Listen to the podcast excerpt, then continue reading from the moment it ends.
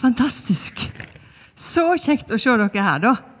Alle våkne og tørre, forhåpentligvis, etter å tørke opp igjen etter en forferdelig For et vær, folkens!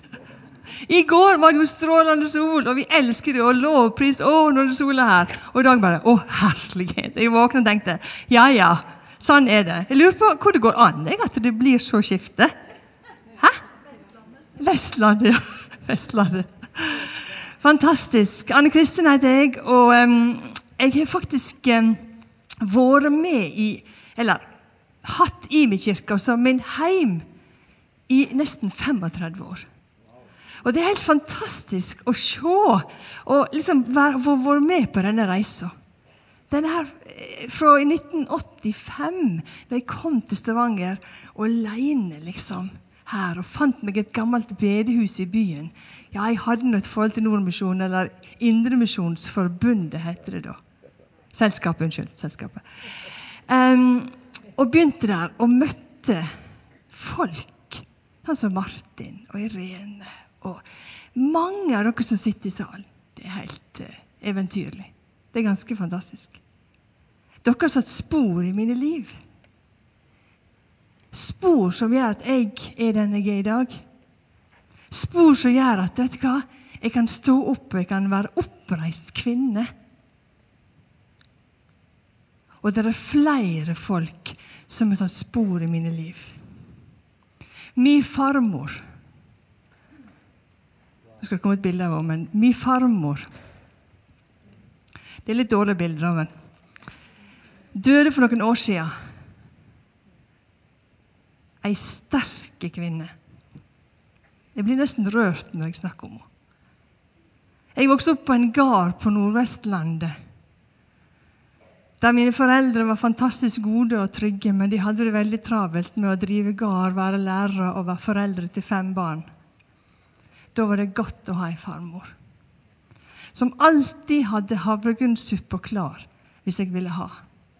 Mye sukker på som alltid sa Anne Kristin, kom og sett deg ned ved kjøkkenbordet her. Og hun og farfar var så solide, så trygge. De setter vanvittige spor i mine liv. Og de ba for alle sine.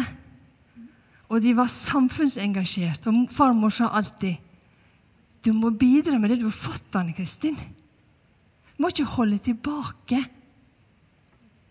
For Gud har gitt deg noe. Hun viste meg veien til Jesus. Stilte spørsmål. Var nå litt streng òg, da. Som besteforeldre og bestemødre på den tida på Nordvestlandet ofte var. Men ei fantastisk dame. Når jeg var 16 år, så flytta jeg på hybel til Volda for å gå på videregående skole. Og da var det flere som tok spor i mine liv. Annet onkel Egil og tante Kari.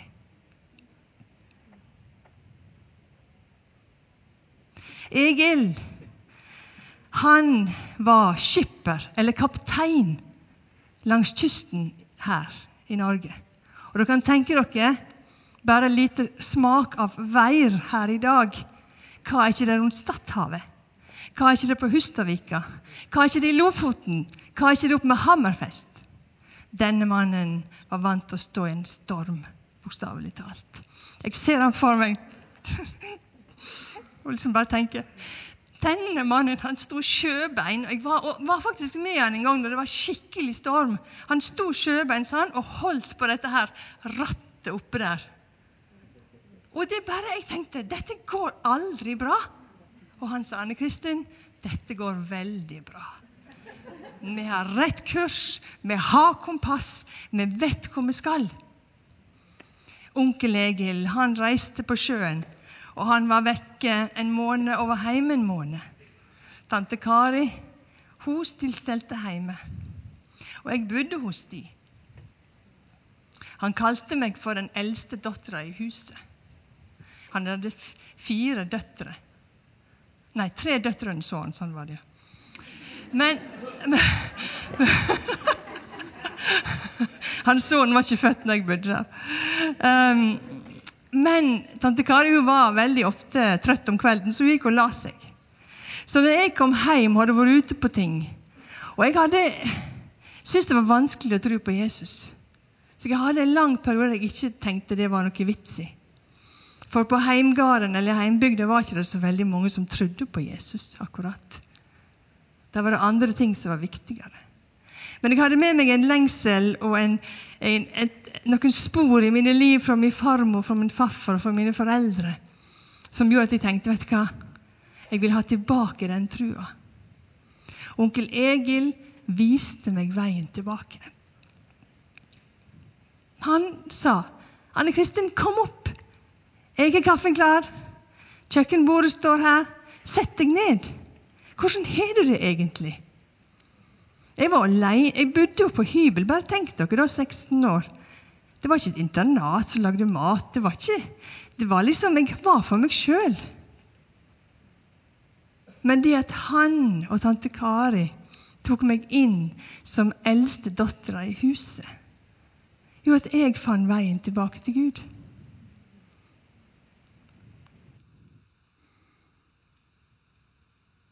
Hvem er det som har gått før deg i ditt liv? Hvem er det som har vist deg veien til Gud? Kanskje helt at du alltid har hatt Gud i livet ditt, men kanskje måtte du finne han igjen. Hvem er det? Når jeg kom til Stavanger og livet ellers, så er det veldig mange andre som også har vist meg veien. Men disse to særlig, både min farmor og min onkel Egil og tante Kari, som alltid var der òg, setter ekstra dype spor. For de satte av tid til meg. Jeg er sikker på i salen her det er mange lignende historier av folk som er satt av tid til dere. Folk som har sett dere, bedt for dere, tenkt på dere, oppmuntra, spurt. For en arv vi bærer på. Denne arven, folkens, må vi forvalte. Den kan ikke vi ha for oss sjøl.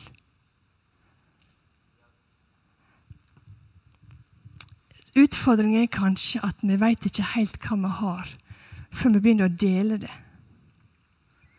Og Jeg vil bare takke Nate for hans tale i går kveld. Der han snakket både om dette med mødre og fedre og reise oss opp. Og dette med tida vi lever i. Det var som jeg skulle tenkt Oi, har han hørt hva jeg har tenkt å si? Det gikk rett inn i dette. Og det står i Matteus 10, 8, siste del, så står det Gi som gave det de fikk som gave. Og i andre kor 9,6 så står det Den som sparsomt sår, skal òg høste sparsomt. Den som sår med velsignelse, skal òg høste med velsignelse. Amen. Amen, folkens. Er dere våkne? Ja, dere er våkne. Good, good, good. Heftig begeistra begynte jeg å si Terje på første rad her. Han sitter helt stille, heldigvis. Han springer ikke rundt. um, hva såkorn er det Gud har planta i ditt liv, som du skal få lov å gi videre? Hvordan forvalter du det du har fått? På hvilken måte faktisk er det en viktig del av ditt liv? Hvem er det du ser?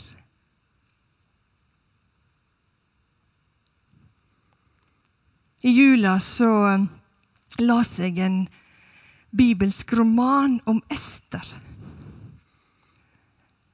Jeg eh, hadde kjøpt den rett før jul og hadde bestemt meg for at jeg skulle lese den boka i jula var det ganske travelt og mye besøk. og Jeg sto på kjøkkenet og lagde mat, for sånn er det når du får barn hjem på, på ferie.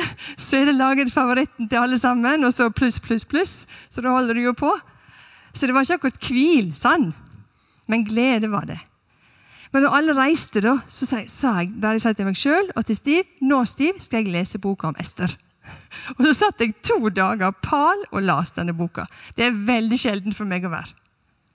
På en måte tenkte jeg, når jeg ble spurt om å tale er dette, Har jeg faktisk forberedt meg gjennom å lese boka om Ester?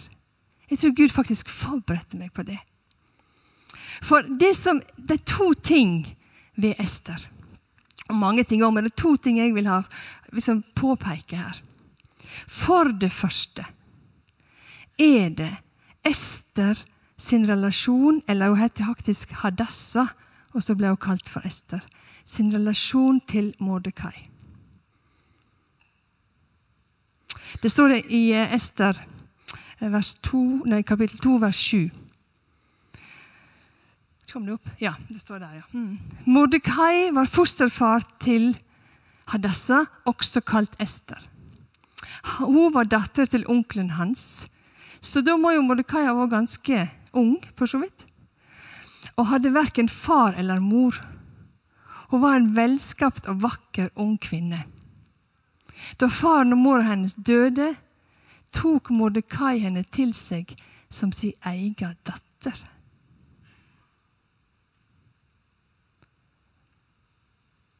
Hva betyr det, da? Jeg tenker på når onkel Egil sier til meg hver gang jeg møter han, 'Eldste dattera mi', sier han. Det er et eller annet med vår relasjon. Mordekai og Ester har en sterk relasjon. Men i tillegg så var hun vakker og velskapt.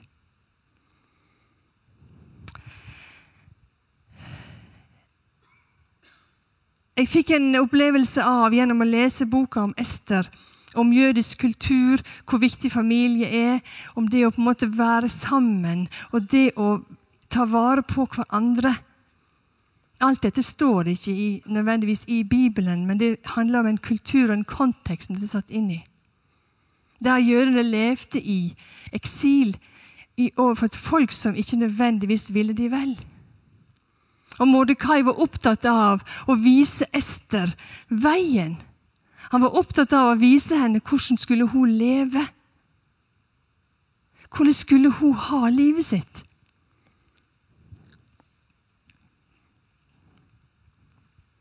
Det ble en del av henne. Så ble jo da, vet vi i Bibelen videre, at hun ble tatt inn til, i kongen av Persia, Exeres, og skifta navn til Ester. Hun vinner kongens hjerte. Han var en hedens konge, han faktisk. Han var ikke av hennes folk. Men hun tålte å være seg sjøl uten å fortelle at hun hørte til jødene. Hun var ærlig, vennlig og imøtekommende. Og det står også at alle likte henne.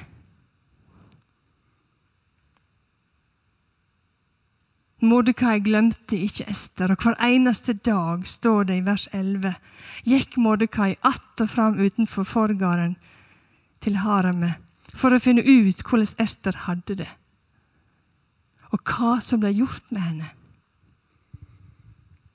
En fars sterke relasjon til sin datter. At selv om han ikke kunne være sammen med henne, så var han opptatt av hvordan hun hadde det.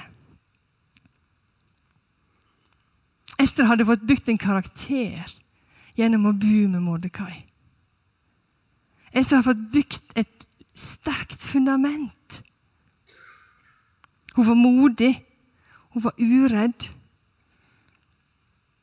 og hun var lojal.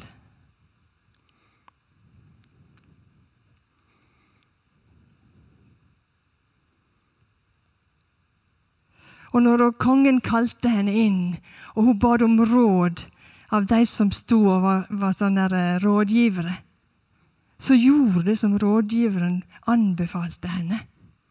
Hun kunne bedt om alt, kunne tatt med seg alt. Men hun var seg sjøl. Hun lot seg integrere i palasset. Og så ble hun faktisk dronning. Det umulige blei mulig. Hun hadde faktisk ikke et spesielt fattig liv før heller. Men den overdådige luksusen kunne du bare drømme om.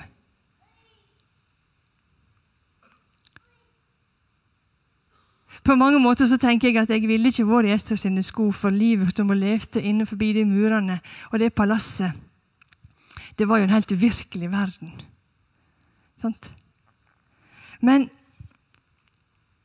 det hun hadde med seg fra før, det bar henne gjennom livet. Det ga henne den indre styrken. Og det hadde Mordekai gitt henne. Han hadde vært der for henne hele tida og spurte og opptatt av hvordan hun hadde det. Hun hadde det helt fortreffelig i palasset. Bare tenk på det står du ble smurt inn med olje, og så ble du smurt inn med krem, og så fikk du ta spa og holdt på. Hæ? Hvem ville ikke av oss ville ikke hatt et sant liv da, når du først var inne i palasset? Hjelpe meg. Seks måneder sånn, og seks måneder sånn. Hæ? tenkte på i dag at jeg smurte meg ja, ja, herlighet er ikke akkurat verdens vakreste hud når den blir over 50 år. Sant? Men hun bare ble pleia av det beste kvalitet, fikk den beste maten. Sant? For å gjøre seg klar for å gå inn til kongen.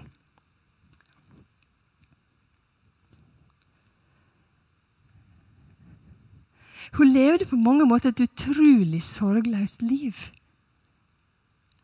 Og jeg har lagt merke til at i Esters bok så er ikke Gud nevnt. Men han er sterkt til stede gjennom Ester. Han er sterkt til stede.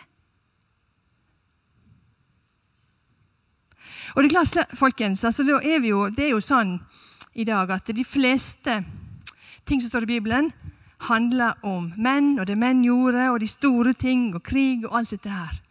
Og Det er kanskje også derfor at jeg som kvinne lar meg fascinere av Ester. Men jeg tror ikke det har mindre betydning for dere som menn. Ester sin måte å være på gjorde at hun klarte å få innpass. Hun var ikke brøytete og skulle få det som hun ville. Nei, Hun var lojal og samtidig hadde integriteten i orden. Hun visste hvem hun hørte til. Hun visste hvor hun kom ifra. Og vi vet jo hvor vi kommer fra, folkens. Vi har denne tryggheten. Vi er skapt av Gud. Vi er Guds barn. Vi er elska, høyt akta og elska. Vi er døtre og sønner, folkens. Vi er det. Vi trenger ikke å tvile på det engang. Sånn er det, for jeg tror det står i Guds ord. Hæ? Folkens! Vi nesten må stå på stolene og juble, sånn som Terje sier. Det er nesten så. Sant? Og da, når du vet hvor du kommer fra, hva kan ikke du da utrette? Så liten som du kan føle deg. Men da, vet du hva? En stor Gud. En allmektig Gud. Fantastisk. Hæ? Slik er det vi får lov til å leve. Men folkens, da må ikke vi holde oss bare i palasset. Ok, vi har det godt her. Ja, her er det fantastisk lovsang. Her går livet bra. Yeah, yeah, yeah. Vi har noen utfordringer med oss, men likevel Det vi får her, hører ikke til kun i palasset eller i kirka. Det hørte der folk virkelig trenger det.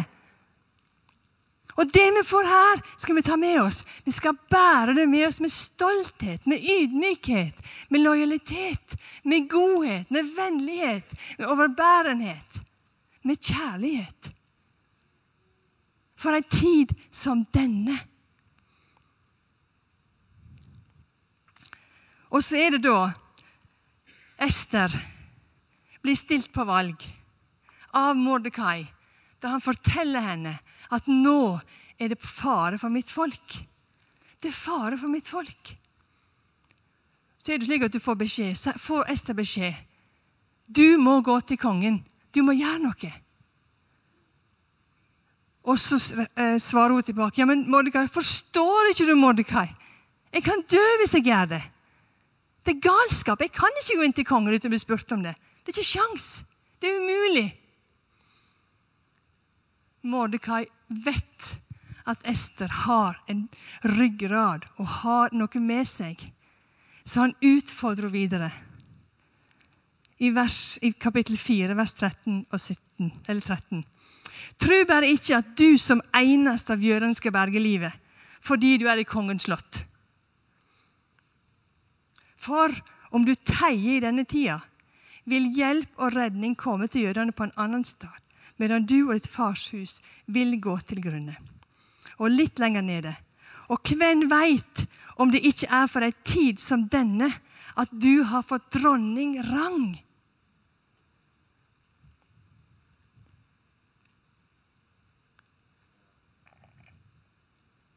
Vi som sitter her, folkens, har fått dronning rang.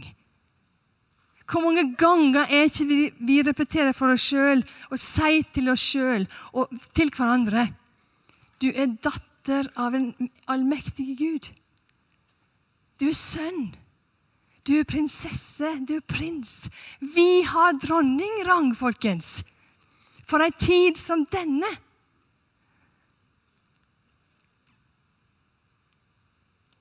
Ester kunne valgt å ikke ta utfordringer.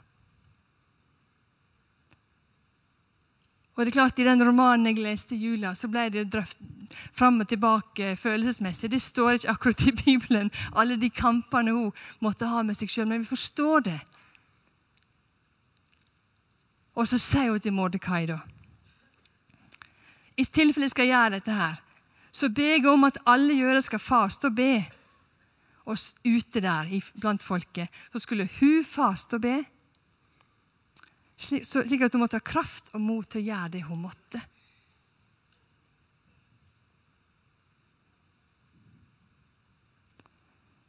Det umulige ble mulig gjennom Ester. Kongen sparte hennes folk ved at hun valgte å gå inn i dette med risiko for sitt eget liv. Risiko for sin egen rang, risiko for sitt eget rykte, for å miste alt hun hadde. Men for henne var det så viktig, og Gud minte henne på gjennom bønn og faste. Dette skal du gjøre, Ester. Hvem er du satt til? Hva for et folk er du satt til å redde i dag?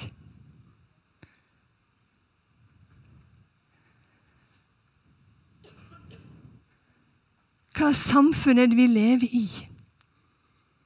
Jeg tror nok ikke at vi kommer til å bli tatt av dage og drept, sånn som Ester sto for fare for å gjøre.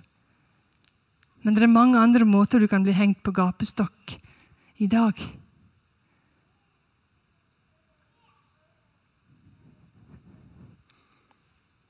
Samfunnet vårt er preget av ensomhet, psykiske lidelser, farløse, egoisme, materialisme, mangel på voksenkontakt, urettferdighet. Barn som lider, som ikke har det godt.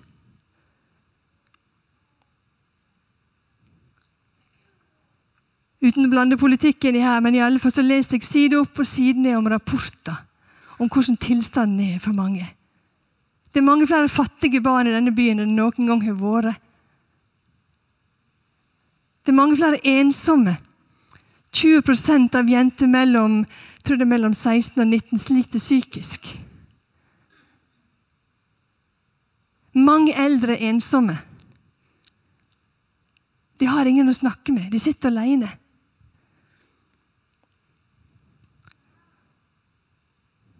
Både farmor og onkel Egil og mange andre har vært der for meg og vist meg veien. De lærte meg av kjøkkenbordet og en kaffekopp kan løse mye. Mer enn en talerstol, folkens. Mer enn denne her. Forstår dere hvor glad jeg er i dere når jeg står her? Hæ? Ja, til en viss grad. Men de som jeg går tett på, vet at jeg bryr meg om dem. Det er ikke her en opplever kjærligheten, omsorgen. Det er den tette relasjonen folkens, til de som er rundt. Og Tenk om vi alle sammen hadde noen som vi faktisk betydde så mye for. Gjerne utenom vår egen familie òg. hva samfunnsutfordringer hadde vi da ikke løst? Bare ved det. Vi har nok med oss sjøl, kan vi kanskje si. Ja, det kan vi kanskje si. Men vi har all verdens tid. Vi har ikke hast, sånn som Nate snakket om i går. Og Kanskje jeg er spesielt opptatt av dette her når jeg flytta til Stavanger i 1985. Traff mannen min her så amerikansk. Jeg er fra Sunnmøre, han er Amerika. Vi har ingen besteforeldre, ingen familie her. Kanskje var jeg enda mer opptatt av det. Hvordan skal vi skape en familie her hos oss i vår by? Og Derfor ble jo noen naboer de viktigste tanteonklene til ungene våre. nesten, Der dattera passet Markus fra han var ett år gammel. Derfor ble de vi kjøpte hus hun ble bestemora til våre barn. Derfor ble nabo Liv rett over veien en utrolig viktig dame som var bestevennen til Julia i alle år, selv om hun nå er 85 år. Og Julia var bare et par-tre år når hun traff henne. Sant? Derfor tror jeg at Gud har lagt så sterkt inn over meg vi må være til for hverandre. Vi må bety noe for hverandre. Det er ikke sånn at det, det kommer automatisk. Vi må faktisk ta en del initiativ sjøl.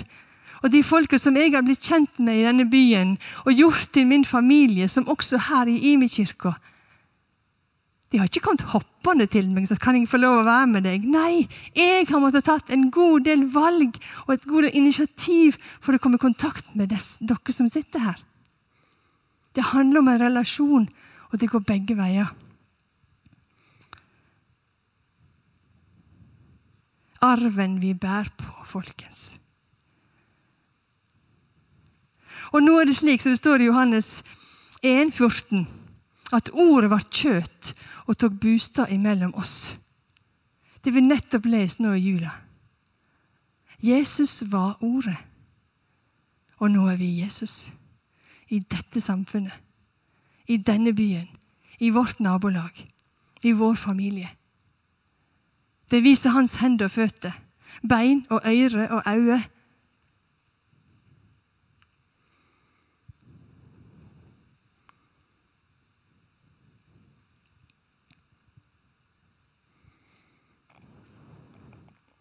Onkel Egil kalte meg for si eldste datter.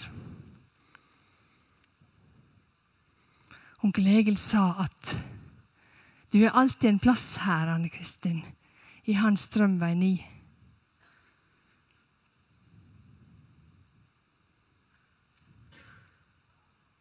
Hvem er det du skal være morer eller farer for?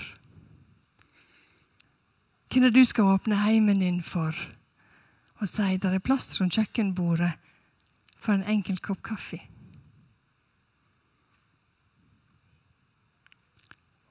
Vi lengter. Ungdommens altså dette, Når onkel Egil var på en måte viktig for meg, så var det da jeg var mellom 16 og 19 år.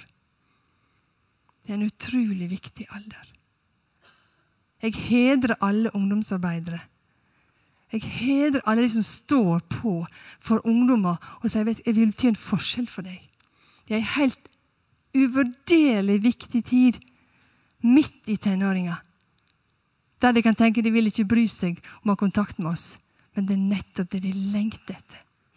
For i dagens samfunn har vi så mange farløse og morløse, for å si det sånn òg. Foreldreløse. Ungdommer og barn.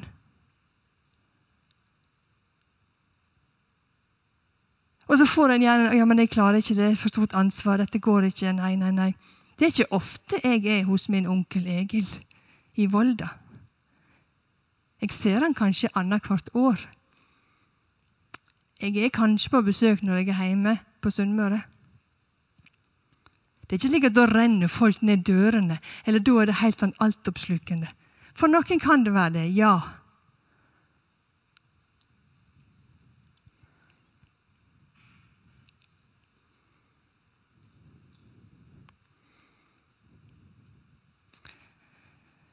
Vi er saltet på jorda, og vi er lys i verden.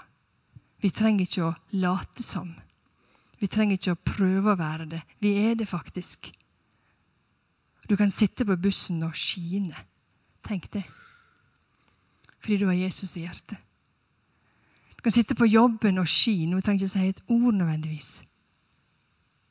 Men den kulturen du skaper med å vite hvor du kommer fra, og den arven du bærer på, det gir oss trygghet til å være den vi er, der vi er. Vi må ikke pynte på noen ting. Vi kan være ærlige med livet. At det ikke er så enkelt. Takk, Jesus, for at det er sånn.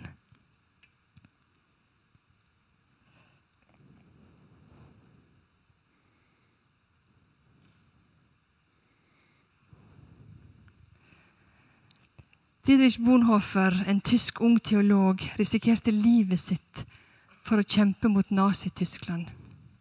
Det var umu, en umulig kamp. Men han viste et utrettelig mot og en utrettelig kamp for å stå i dette.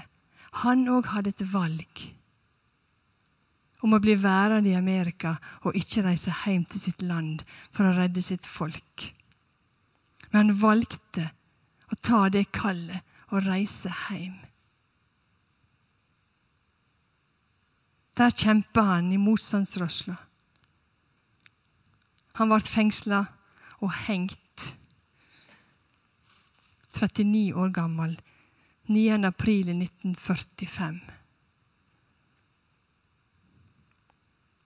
Han har sagt det slik, og jeg tror det kommer på veggen òg. Gud har satt oss midt i livet, og der skal vi arbeide, lære, leve i fellesskap gifte oss, være vitne og vise omsorg. Kirka skulle styrke oss til vår gjerning i verden. Kirka er ikke Kristi sanne fellesskap hvis, seg, hvis, vi trekker oss ut av verden for å leve for oss sjøl. Den skulle heller gi oss kraft til å leve modig midt i denne verden med all dens nød og all dens utfordringer.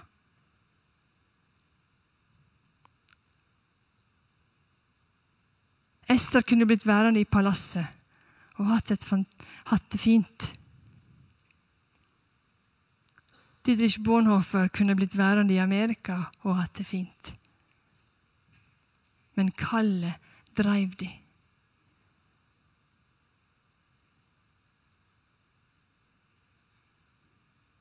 Vi kan bli værende i palasset. Men hva kall er det du har over ditt liv? Hvem er det Gud har sendt deg til? Og hvem er du sendt sammen med?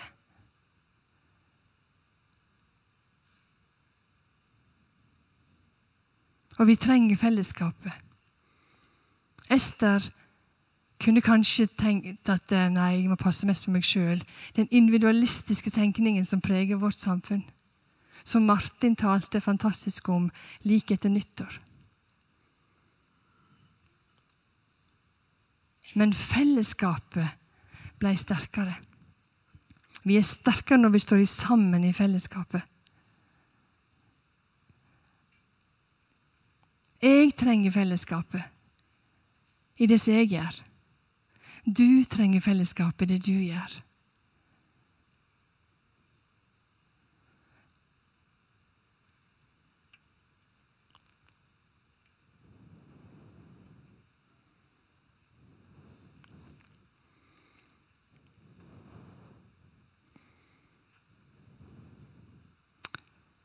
Kvinner og menn.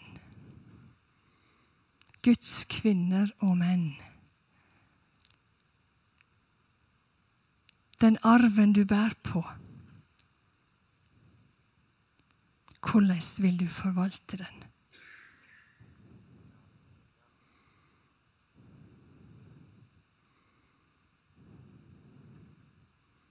Og så er det kanskje for ei tid som denne, som det var for Ester. Og kanskje er det fra en tid som denne at vi har fått så utrolig mye som vi skal gi videre. Og så er det slik at jeg faktisk vet ikke helt hva vi har, før vi begynner å gi. Begynner å dele våre erfaringer. For å dele fra livet. Dele det vi har erfart med Jesus. Det han har vist oss. For da er det plass til mer. Så kan du fylle mer på, så deler du videre. Så fyller du mer på, så deler du videre. For hver søndag når du kommer sammen med fellesskapet på gudstjenesten, eller du kommer sammen i huskirka, så er det for å bygge oss opp. For å komme oss ut av palasset og redde et folk. Redde et folk. Og da trenger vi kvinner, oppreiste kvinner. Da trenger vi oppreiste menn som er der for de som faktisk trenger det. For de som faktisk trenger at du ser. At du er Jesu øye, at du er Jesu føtter, at du er Jesu øre, at du er Jesu hender. Og det kan ikke en talerstol være. Da er det kjøkkenbordet som gjelder.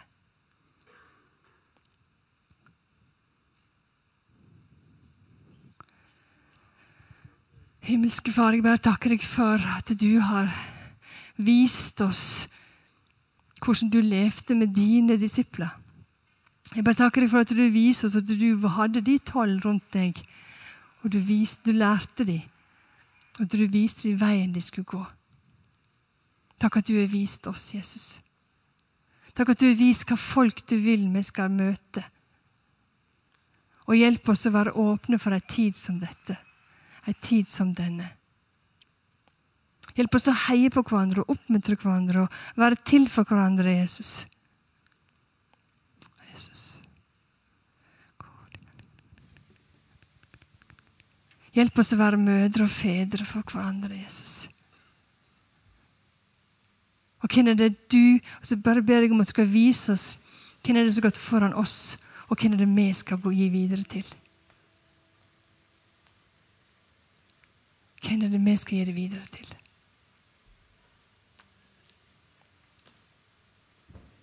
Jesus, jeg bare takker deg for at du er nær. Jeg ber om Den hellige ande skal bare åpenbare for oss i denne tida vi lever.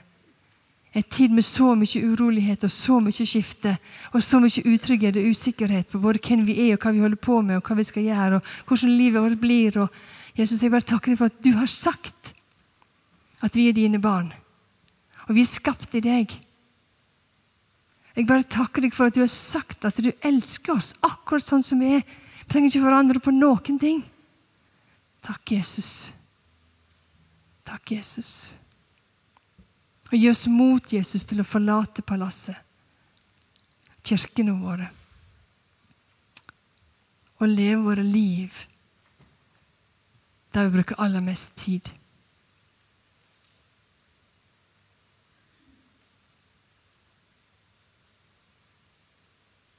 Og se deg du sender i vår vei, Jesus.